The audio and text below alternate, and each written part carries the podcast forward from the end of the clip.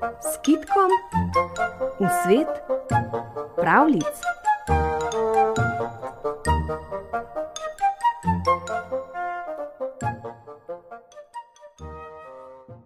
Prevzetna drvarka. Visoko na pohorju je bilo nekdaj sredi gozda globoko jezero. Na njegovem bregu sta v revni koči živela drvar in njegova žena. Delala sta od jutra do večera. Drvar je za graščaka, gospodarja pohorskih gozdov, sekal drevje, ga žagal in cepil. Pozimi pa je ta les na velikih drvarskih sankah po ledenih klancih vlačil do gorskega potoka, da ga je spomladi narasla voda plavila v dolino. Drvarka pa je del gozda, ki ga je drvar posekal, z velikim trudom spreminjala v njivo in pridelovala krompir, zelje, rž in oves. Tako sta siromaka garala za graščakov dobiček in za svoje skromno življenje. Jutri bo nedelja, pojdi lovit ribe za nedeljsko kosilo, je nekega dne drvarka rekla svojemu možu. Drvar je bil navajen ubogati ženo in odšel je ribarit. Kako se je začudil, ko se mu je na trnek ujela zlata ribica. Zlatila se je kot sonce. Drvar je v mladih letih slišal pripovedovati stare drvarje, da imajo postrvi v gorskih potokih svojo kraljico, zlato ribico. Ribja kraljica sem, je spregovorila zlata ribica. Drvarju se je zasmilila in spustil jo je v jezero. Če boš kdaj kaj potreboval, povej, pomagala ti bom, je spregovorila ribica, plusknila z repom in izginila v globini jezera. Drvar se je praznih rok vrnil domov. Kje imaš ribe? ga je jezno vprašala žena. Drvar je ženi po pravici povedal: Takega moža pa še ne, se je razjezila drvarka. Domov bi jo bil prinesel, zlata ribica zmore vse. Takoj pojdi, takoj pojdi nazaj k jezeru in glej, da jo uloviš. Zahtevaj od nje veliko nivo, posejano z ržjo in ovsem. Zahtevaj tudi mlin ob bistriškem potoku. Drvar je nerad odšel nazaj k jezeru.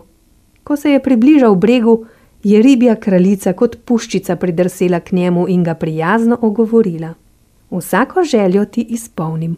Drvarju je bilo nerodno a vedel je, da ima hudo ženo, zato je tiho spregovoril. Veš, mojo ženo bi včasih laže nosil kot poslušal. A kaj hočem? Rekla mi je, da bi rada imela nivo z ovsom in mlin ob potoku. Zlata ribica je pokimala in na to kot zlata puščica švignila v globino. Ko se je drvar vračal proti domu, je na gozdni jasi zavriskal od veselja. Zagledal je veliko njivo, na kateri je v rahlem vetru valovalo klasje, rži in ovsa, ob bistrem potoku pa je klokotal nov mlin.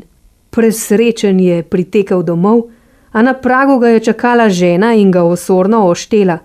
Zakaj nisi zahteval še gozda in žage, takoj odidi nazaj k jezeru? Žalosten se je drvaor napotil nazaj k jezeru in dejal zlati ribici, ki ga je čakala ob bregu. Zelo sem srečen zaradi njive in mlina, a kaj hočem, ko moja žena hoče imeti še gozd in žago? Zlata ribica se je nasmehnila in pokimala. Na poti proti domu je drvar zagledal gozd, poln lepo raslih mladih smrek, ob potoku pa je poleg mlina stala nova žaga.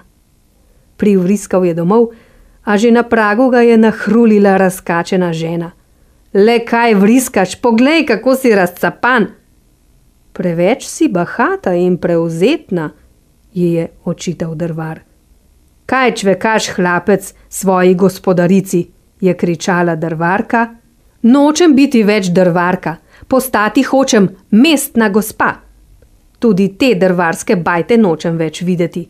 Imeti hočem planinski gradič in cesto v dolino, da se popeljem po svoje goste, po bistriško gospodo. Gospa pa taka, je zagodrnjal drvar, vendar se je kljub temu že tretjič napotil proti Črnemu jezeru.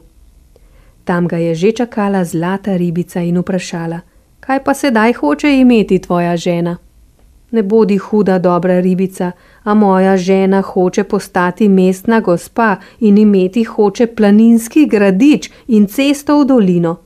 Tudi to bo dobila, se je drvarju nasmehnila zlata ribica. Ko je drvar stopal proti domu, je že oddaleč videl planinski gradič in belo cesto, ki se je vila v dolino. Tudi to darilo ribje kraljice, prevzetni drvarki, ni bilo dovolj. Ko je hotela imeti še poln lonec postrvi za ribjo gostijo za svoje goste, za mestno gospodo, je bilo zlati ribici njenega napuha dovolj.